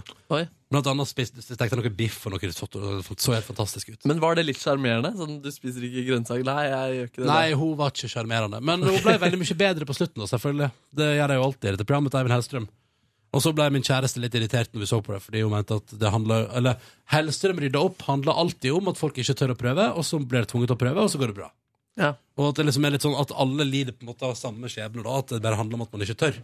Um, men dette var jo på søndag. På lørdag vi gikk videre på bursdagsfest. Uh, veldig hyggelig. Vi kom jo litt seinere enn alle andre fordi vi hadde vært på middag. Men vi, så alle var i god, god form, da, kan du si. Det var for så vidt vi også. Um, hang på fest. Endte opp på karaokebar. Det er darkness, altså. Nei, Yes. det er jo ikke så uvanlig, da. Var det Darkness? Det var mye darkness i form av låter som ble valgt, og folk som sang de låtene. Men dere stilte opp, eh, gjengen din òg, villig vekk. Ja da. Det var altså så mye snaps, videosnaps fra den festen der som kom Hvem inn. var det som snappa så mye video til deg? Yngve. Det var Ingve, ja. Yngve Eikland. Han er litt for aktiv på sosiale medier han av og til. Så jeg fikk, jeg fikk snap av at du sang eh, Wonderwall. Så han fikk med seg det, altså. så! Ja, ja, ja. ja. Han fikk med seg det innimellom, fordi det som også skjedde på uteplassen Ingve har jo en fortid i sikkerhetsbransjen. Så da det var en fyr som måtte legges i bakken og hentes av politiet, ja, da, var han, eh, da sto han utafor lokalet i den lille halvtimen det pågikk. Og nekta å gå inn igjen. Nei, da skulle, dette skulle han ha med seg. Hvorfor ble han lagt i bakken? For, fordi han skulle synge en låt alle hata? Nei, det var en, eller faktisk, jeg tror jeg lurer på om vedkommende som lå i bakken, hadde lagt seg på eget initiativ, og ikke var på en måte helt pratende til. Å, ja. Og så var det stakkars kompisen hans som sa sånn eh, men hva, hva skjer med kompisen min? Nei, han må nok en liten tur til politiet. Men hva, hva skal jeg gjøre, da? Vi bor jo også sånn at det, det, det hadde vært Det hadde reist ens ærend til Oslo for å gå på byen. Og var ikke derfra. Og han skjønte ikke helt hvordan han skulle komme seg hjem alene. Og kunne han være med på glattcella? Altså, Nei! Men da tok noen ansvar, og så sang, det, sang Something Stupid-duetten sammen med Frank og Nancy Sinatra. sammen. Nei da. Det verste på det var han litt eldre fyren som dro på med eh, George Michael-låta 'Like Jesus to a Child'. Midt på, altså det er liksom midt på Alle er grisedrita, og så kommer han Like Jesus to a child. Utrolig rart. Um, gikk hjem igjen etterpå, spiste burger, sovna på sofaen, våkna søndag og hadde en deilig, rolig søndag med lite aktivitet og mye hygge. Spiste sånne der grove lapper til frokost. Så filmen Chef, veldig bra. Kosa meg med den. Uh, det er en relativt fin søndag. Jeg gleder meg til restematbonanza i dag. Det blir sweet. Chef, å ja, hovedrolle er jo han der som spiller typen til Monica i eh, Han veldig rike som var kjæreste Richard. med Monica en periode. Mm. Nei, ikke Richard, ikke han med barten. Nei, hva er det vet du da? Eh, nei, han som var eh, Skal vi se her nå. John Favreau. Yes. Eh, skal vi se hva karakteren hans het i Friends. Friends? Eh, jeg skal finne det her nå, bare vent. Men veldig bra film, altså. Veldig koselig. Han spiller Pete Becker i Friends. Det Det var han som var så ekstremt rik, og så skulle han plutselig begynne med noe sånn her eh, mixed martial arts, eller noe sånn her eh, eh, greier. Og så gjorde Monica Oi, spoiler! Men hun gjorde, gjør det slutt etter hvert. Fordi Herregud, slutt å spoil Friends. det blir sur for Friends-spoiling, ja. Eh, nei, men uh, Bra film, så den kan, den kan jeg anbefale for watching. Ja, så hyggelig, da. Jeg elsker min Apple TV. Eh, jeg elsker den når Get ikke leverer elendig internett hjemme hos meg, så elsker jeg min Apple TV. Ja. Uh, men Get leverer dessverre litt for ofte uh, litt for dårlig internett hjemme hos meg. Ja. Men sånn er det. Jeg har betalt for en ganske bra linje, men den er jo ikke Men var det Legal Chef? Altså, så dere Altså, den var på Apple TV, eller var det download? Den var på amerikansk iTunes, den, så jeg bare downloada den der. Altså, mitt internett er så dårlig nå at hvis eh, av og til når jeg skal eh, streame noe, så er jeg altså nødt til å eh, slå av wifien på telefonen og gå på vanlig nett. Ja. Og så setter jeg på delt internett, og så bruker jeg på iPaden nettet fra telefonen. Såpass, ja. Hæ? Det må du jo gjøre noe med på alle mulige måter. Ja, jeg vet det, men eh, det koster penger. Og så har jeg liksom ikke følt at jeg hadde råd til å koste på meg de ekstra eh, Hva heter det? Megabytesene i båndbredde. Mm.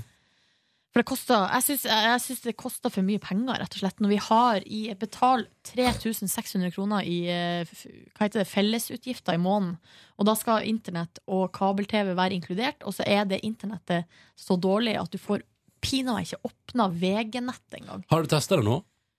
Nei, for at, sånn får ikke test. testa det på iPaden. Nei, Du må ha ha stasjonær Ja. eh, maskin. Så irriterende. Eller en Mac, da. Eller en eh, laptop.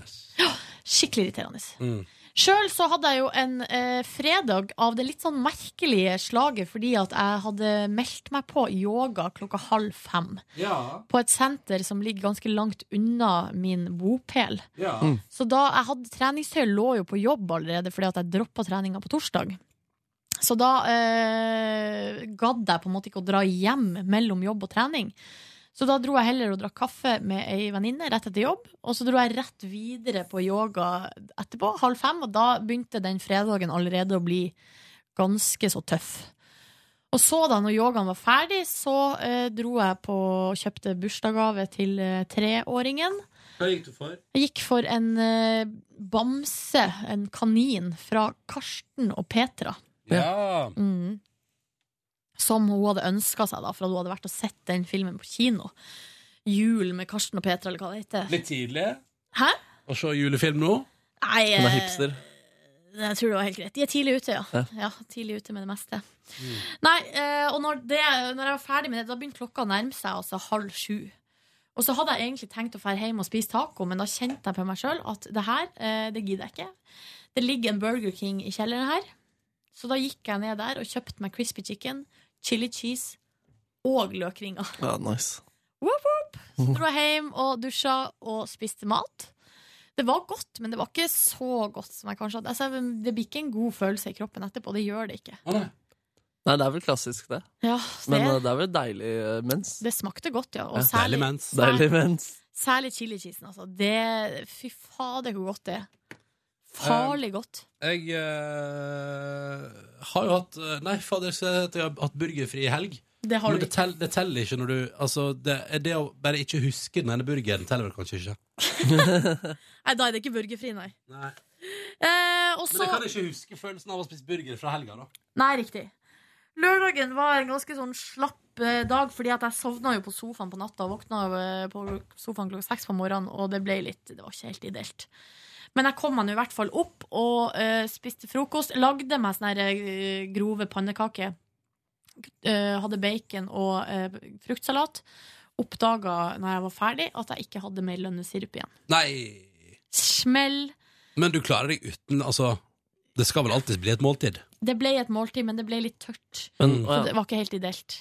Vi kjørte på våre grove lapper slash pannekaker. Creme fraiche. Ja, det, Mm. ja, det kan si. Funka sikkert, det òg.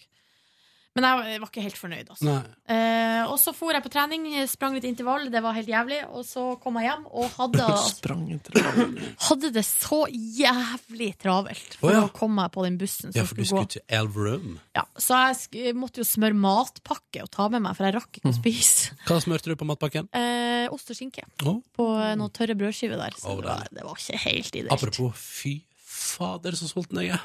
Ja, samme her. Åh, Sulten nå? Ja. Samme her. Da skal jeg eh, være rask og si at jeg bare for til Elverum, og da spiste vi bare hang og slang. Og Du spiste, spiste, du spiste du stort sett resten av helga ja, spist mat, og så så vi på åpninga av kulturkvartalet Stormen i Bodø. Med Halvdan Sivertsen og Kari Bremnes og Mari Boine. Var det på NRK, eller? På NRK1. Ja. Og så spilte jo Jeg var jo hos eh, venninna mi Ida, eh, og hennes søster Ane var der. eh, Og så er jo deres lillesøster Eline artist, og hun spiller Ja. på åpninga. Yes. på, på NRK det òg? På NRK1, så det var jo veldig stas. Ja, hvor, hvor god var stemninga i huset da? Meget god, og de var veldig stolt. Og satt og Var det noe som ble rørt? Jeg vet ikke om de ble rørt.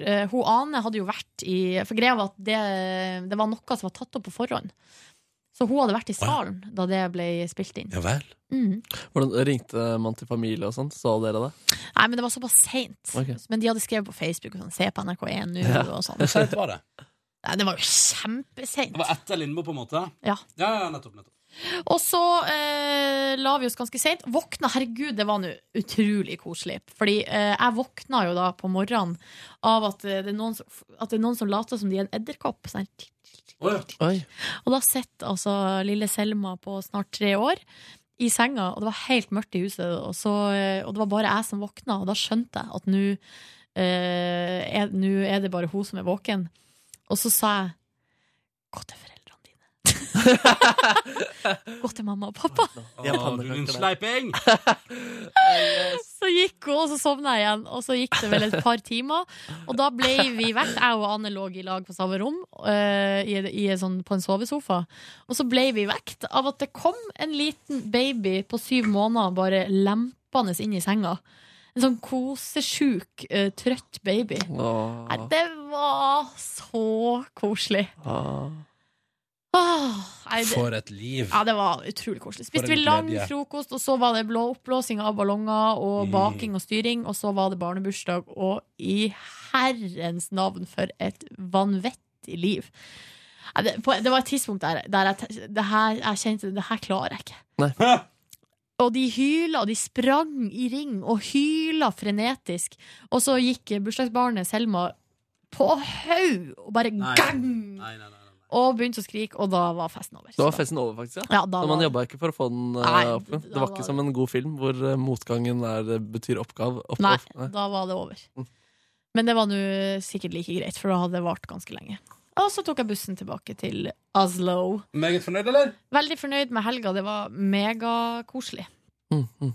Og så tror jeg faktisk at min eh, venninne Ida kommer neste helg og skal være med på en liten eh, bursdagsfeiring. Uh, Det blir veldig koselig. Uh, får du barnefri da?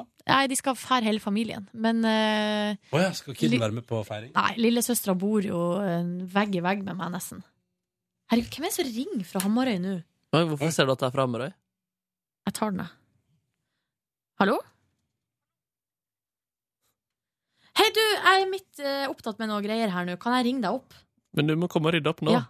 Ja, OK. Nå. Hei, ha det. Ha det, ja. Hei! Kurt Haukås som ringer! Oi. Hvem er det? Det er en fyr på Hamarøy. Å ja. Hva tror du han vil, da? Eh, 25 770, det er Hamarøy. Ok. Ja. Det er hyggelig, da. Min helg eh, jeg begynte med å gå hjem fra jobb gjennom Bogstadveien pga. lysene som er hengt opp i veien Kun der. Kun lysa? Ja, det, jeg tenkte, jeg så de da jeg skulle til å svinge inn til T-banen, men nei.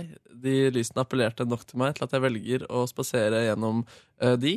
Jeg gikk gjennom der, hørte på litt Oral B, fikk uh, fredagsfølelsen. Mm. Møtte etter hvert uh, damer på veien. Vi gikk eh, hjem, kjøpte taco. Eh, eh, Kjøpte taco Hvordan, kjø- kan du mene bare ingrediensene, da? Ingrediensene til en taco, ja. Og så eh, tok jeg en deilig, deilig powernap som varte ganske lenge. Eh, våknet, spiste taco, så på Mad Men, sovnet. En fredag etter eh, eget ønske som satt som et skudd. Ja. Da lørdagen kom, var det lang sengetid. Kanskje til klokken to-tre. Så var vi oppe og lagde litt eh, frokost. Um, tok en powernap til uh, på den ettermiddagen der. For et liv! For et deilig, deilig liv. Før jeg uh, fikk besøk av en uh, kompis. Vi tok noen Drakk litt vin. Og drakk ut på en liten bar. Drakk vin før han skulle på en fest, og jeg skulle på en bursdagsfest. eh, som var på et utested som han som hadde bursdagen, ikke eier, men han arrangerer ansvar for å arrangere ting der. Hvordan stedet? Savoll. Der, ja. Oi! Der, ja. Den har vært før det er gøy. Ja, det var veldig hyggelig, det. Det er en type mennesker som, eh, som går der. Det er urbane hiphop-folk. Det er jo der jeg har vært før og kommentert og lagt merke til min egen mangel på swag. Ja, nemlig, ja. Der jeg har prøvd å danse eh, sammen med Abu og Ja. eh, Cash King og være superrå, og det går opp for meg at jeg er altså så lite rå. Du er lite swag, ja. Ja, fy fader, ass. Oi, ja. Meg, ja, men jeg kjenner meg igjen i beskrivelsen til Nordnes. Jeg husker jeg og Ken Vasenius Nilsen sto på sida og tenkte sånn Dette er ikke Her trenger ikke vi være. Nei, jeg kjente, jeg kjente derimot at jeg hadde swag. Eh, De rundt meg kan avgjøre sikkert om jeg ikke hadde det, vil jeg tro. Eh, Men hadde det i hvert fall gøy. Det var kaker på bordet, og det var fussball i bak, bakgården der. Ja, der har jeg vært og spilt fussball, ja. Ja, så det var veldig gøy. Um, dro videre derfra til et annet uh, utested, hvor en uh, fyr, en bekjent var DJ, lagde god stemning. Uh, satt der og prata før jeg dro hjem, og sovnet rundt halv tre, tror jeg. Dagen etter lå jeg lenge i sengen da også. Det ble noen ekstra powernaps på ettermiddagen også, før jeg dro til foreldrene mine i femtiden, fikk på noe deilig stek av noe slag, så på en kamp, lagde en deilig Grandiosa av noe slag, spiste noe deilig cheese crunchers av noe slag, spiste noe deilig smågodt av noe slag. For et luksusliv. Ja, vi skal ha det livet ditt. Det, du har bare pika i helga. Jeg har pika veldig denne helgen der, altså. Hvor skal det ende? Um, det, det, hvor var det dette endte? Det endte i min seng. Veldig trøtt. uh, og uthvilt. Og litt sliten av å ha det så deilig. Ja. Samtidig som jeg gleda meg veldig til å begynne uken dagen igjen og være tilbake på jobb. Og Jeg gleder meg til å være tilbake på jobb i dag, faktisk. Mm. Det syns jeg er gøy. Altså, så, Lena Dunham, må jeg bare si, så dere Skavlan eller Graham Norton Show på No. fredag? No. Hun gjorde en så god figur. Hun er et så fascinerende menneske. Mm. Eh, og så, eh, som en kommentar til det, så driver jeg nå og leser den boka hennes. Ja. Ikke en sånn jente, eller Not That Kind of Girl, som den heter på engelsk. Og Ræva. jeg er ikke imponert. Av boka, nei? Nei. Det er fordi det er sånn klisjé-selvhjelpsbok, ikke sant? Litt sånn. Ja, det er ikke selvhjelpsbok, det er masse historier fra hennes liv, og så Ja. er historiene litt sånn ikke så interessant. Nei. Nei. For hun er ikke så interessant dame, egentlig. Jo, men sånn muntlig er hun jo det. Eh, Ja. Og utrolig kjapp i replikken. Det er jo det som er at Mm. det jeg føler at hun ikke får til skriftlig, er jo altså når hun sitter hos Skavlan, så er det eh, hun, ah, Først så kommer det en fyr fra Top Gear, og han er første gjesten. Ja. Så kommer Jeg har lyst til å se det programmet der, fordi det var litt mye bra folk Ja, det var mye bra folk. Så kommer Lena Dunham inn. Eh, og så handla det mye om henne, men så blir jo han her Top Gear-fyren liksom dratt inn. Og hun eh, er så kjapp i replikken, Ja. og så morsom. Eh, og, så prøv, og mye digresjoner, og hun er på en vei ett spor, og så kom plutselig det sidespor med en annen historie som er morsom, og så går hun tilbake til hovedhistoria og sånn. Og det er jo litt det samme hun prøver på i boka. Ja. De her eh, kjappe digresjonene og sånn. Som jeg føler at det kanskje ikke funka så godt. Eh, og så er jeg litt lurer litt på om den oversettelsen ikke er så god. Oh, ja. Men jeg tror ikke det har fått så smoothe mottakelser i utlandet heller. Nei, jeg, Bortsett fra at folk liksom er litt sånn euforiske på hennes vegne, da. Ja, sånn bare uansett hva Ja. hun gjør for noe. Ja. Ja, jeg vet ikke. Jeg er litt sånn eh, Rett og slett litt skuffa. Det var sikkert et sånn overskuddsprosjekt for å kunne kalle seg for forfatter. Det er jo en deilig tittel å kunne krone seg med det også. Ja, det er vel det. Mm. Ja, det er vel det. Jeg vet ikke. Men det er kjipt å på en måte bli eh, Å glede seg til noe på den måten, og så bli skuffa. Kommer du til å lese den ferdig? Ja, det tror jeg jeg kommer til å gjøre. Okay. Og det var tidvis Det er delt inn i ulike på en måte tema. Så nå har jeg vært igjennom temaet kjærlighet, og nå er jeg inne i temaet kropp. Og eh, temaet kjærlighet syns jeg var ganske lenge, men eh, så var det tidvis innom noe som jeg syns var interessant. da Mm. Så jeg, jeg kommer til å fullføre boka. Også bare, bare litt for å ha gjort det, for å kunne vite hva jeg snakker om. Mm. På et vis. Jeg ønsker meg den uh, Gestapo-boka, jeg. I julegave? Til julegave. ja. Ok. Ja, nei Du Skriv det til dine nærmeste Ja. på Facebook. Hei, alle sammen. Jeg ønsker meg den nye Gestapo-boka. Hilsen Markus. Særlig 52. kapitlet med kjærlighet og kropp. Åh, Nei, dere, skal vi gå og spise, eller? Vi teaset tekstforfatterskole Hva faen? forrige uke, men vi kan godt eh, utsette det til morgen for min del. Nei, vi kan gå gjennom det kjapt. Skal vi gjøre det? Skal vi se Og så kom det en sint uh, mail angående at jeg hadde sagt Ja, det skal vi Ja. også ta. Ja. Da blir det Markus spesial her. Uh, da er det spørsmål. Det er Elise som har sendt mange spørsmål. Mm. Kan du fortelle litt mer om utdanninga di? Du gikk eh, tekstforfatterlinja på Westerdals, stemmer ikke det? Hva lærte dere? Uh, mye retorikk og skriveoppgaver i ulike sjangre? Spørsmålstegn. Hva vil du si er de viktigste egenskapene en utvikler, og ferdighetene en lærer i løpet av studiett? Eh, første året på Westerdal så lærer du Du får et bevisst forhold til begreper rundt uh, skriving. Eksempel kontekst, diskurs ja, og retorikk. Sånne type ting. Du skriver litt uh, løst og fast uten en definert eh, sjanger. Kanskje litt innom noen type diktsjangre som, kan, uh, som du kan ta med deg inn i mye skriving. Eh, andre klasse så jobber du med markedskommunikasjon, som er reklame, og redaksjonell kommunikasjon, som er avis, radio, TV og den slags. Tredje klasse så gjør du det samme, bare på litt eh, høyere nivå, og så er du i praksis. Det viktigste du kanskje tar med deg, er å gi tilbakemelding, fordi man gir veldig mye tilbakemelding, og man får veldig mye tilbakemelding. Da blir man analytisk, og man eh, tåler å få tilbakemelding. Som av og til kan være vondt å få når du har jobbet hardt med en ting, og det ikke funker. Ferdigheter. Hvilke ferdigheter må man ha? For å være en god tekstforfatter, eller? Ja. Ehm, nei, man må vel uh, være uredd og kanskje, man må kanskje ha evnen til å være uanalytisk og analytisk. At man først klarer å få ned ting på et papir, og så analytisk. At man kan snevre ting sammen og gjøre det tight og bedre. Man må være kreativ og på en måte ha øh, kompetansen til å på en måte bruke kreativiteten konstruktivt. Ja, på, det kan du godt si. Samtidig som en redaksjon kan ha godt av en som bare er kreativ, og en som bare er analytisk. Da. Men eh, ja. Elise spør også hva som har skjedd med Naya. Og eh, Naya er eh, på en liten eh, Yogaferie. yogaferie. Det kan man se på Instagram. Hun er og lærer å bli yogainstruktør, rett og slett. Det er så enkelt. Eh, I Spania, tror jeg. Ja, hun er i Spania, ja. ja. da. Og de har visst hester i yogahimmelen, står det på Instagram. Ja, det har de. Det høres digg ut. Og så er det da Stein Rune som har skrevet Hei, det her er en meget alvorlig ting jeg må ta opp med dere. Ja. I podkasten 3. november så sier Markus om Bit for bit sitat Så har de fjerna blåserekka si, blitt mye mindre band enn før. Ja. Som blodfan av Beat for beat skurra det her veldig i mine ører, skriver. Stein Rune. Jeg har nå i ettertid gått tilbake i Beat for beat-arkivet mitt og sjekka det her. Arkivet går helt tilbake til slutten av 2007.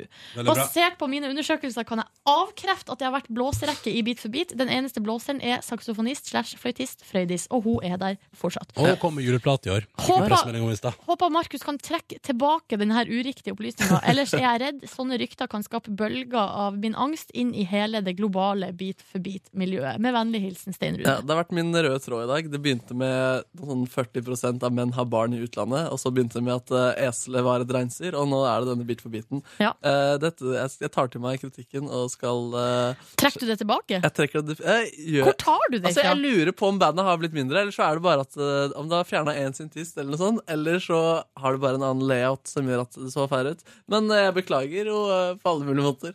Ja, bra. Eh, Markus legger seg flat, altså. Mm. Og det eh, setter vi pris på, den typen eh, redelighet, Markus. Nå Når du har gjort feil. Ja, det var litt dumt at de fjerna blåserekka, da, men uh... Du. Nei, Hei, hei, hei. Hei, Det globale bit for bit-miljøet skjelver i buksene. OK, men da sier vi at det var det. Jeg tror vi sier at det var deg. Og så ønsker vi deg en god tilstand hvor enn du er hen i verden og i livet ditt og for øvrig. Det kan også være hvor som helst. Ja. virkelig. All right! All right. All right. Love you gays. Love you gays. Hør flere podkaster på nrk.no podkast.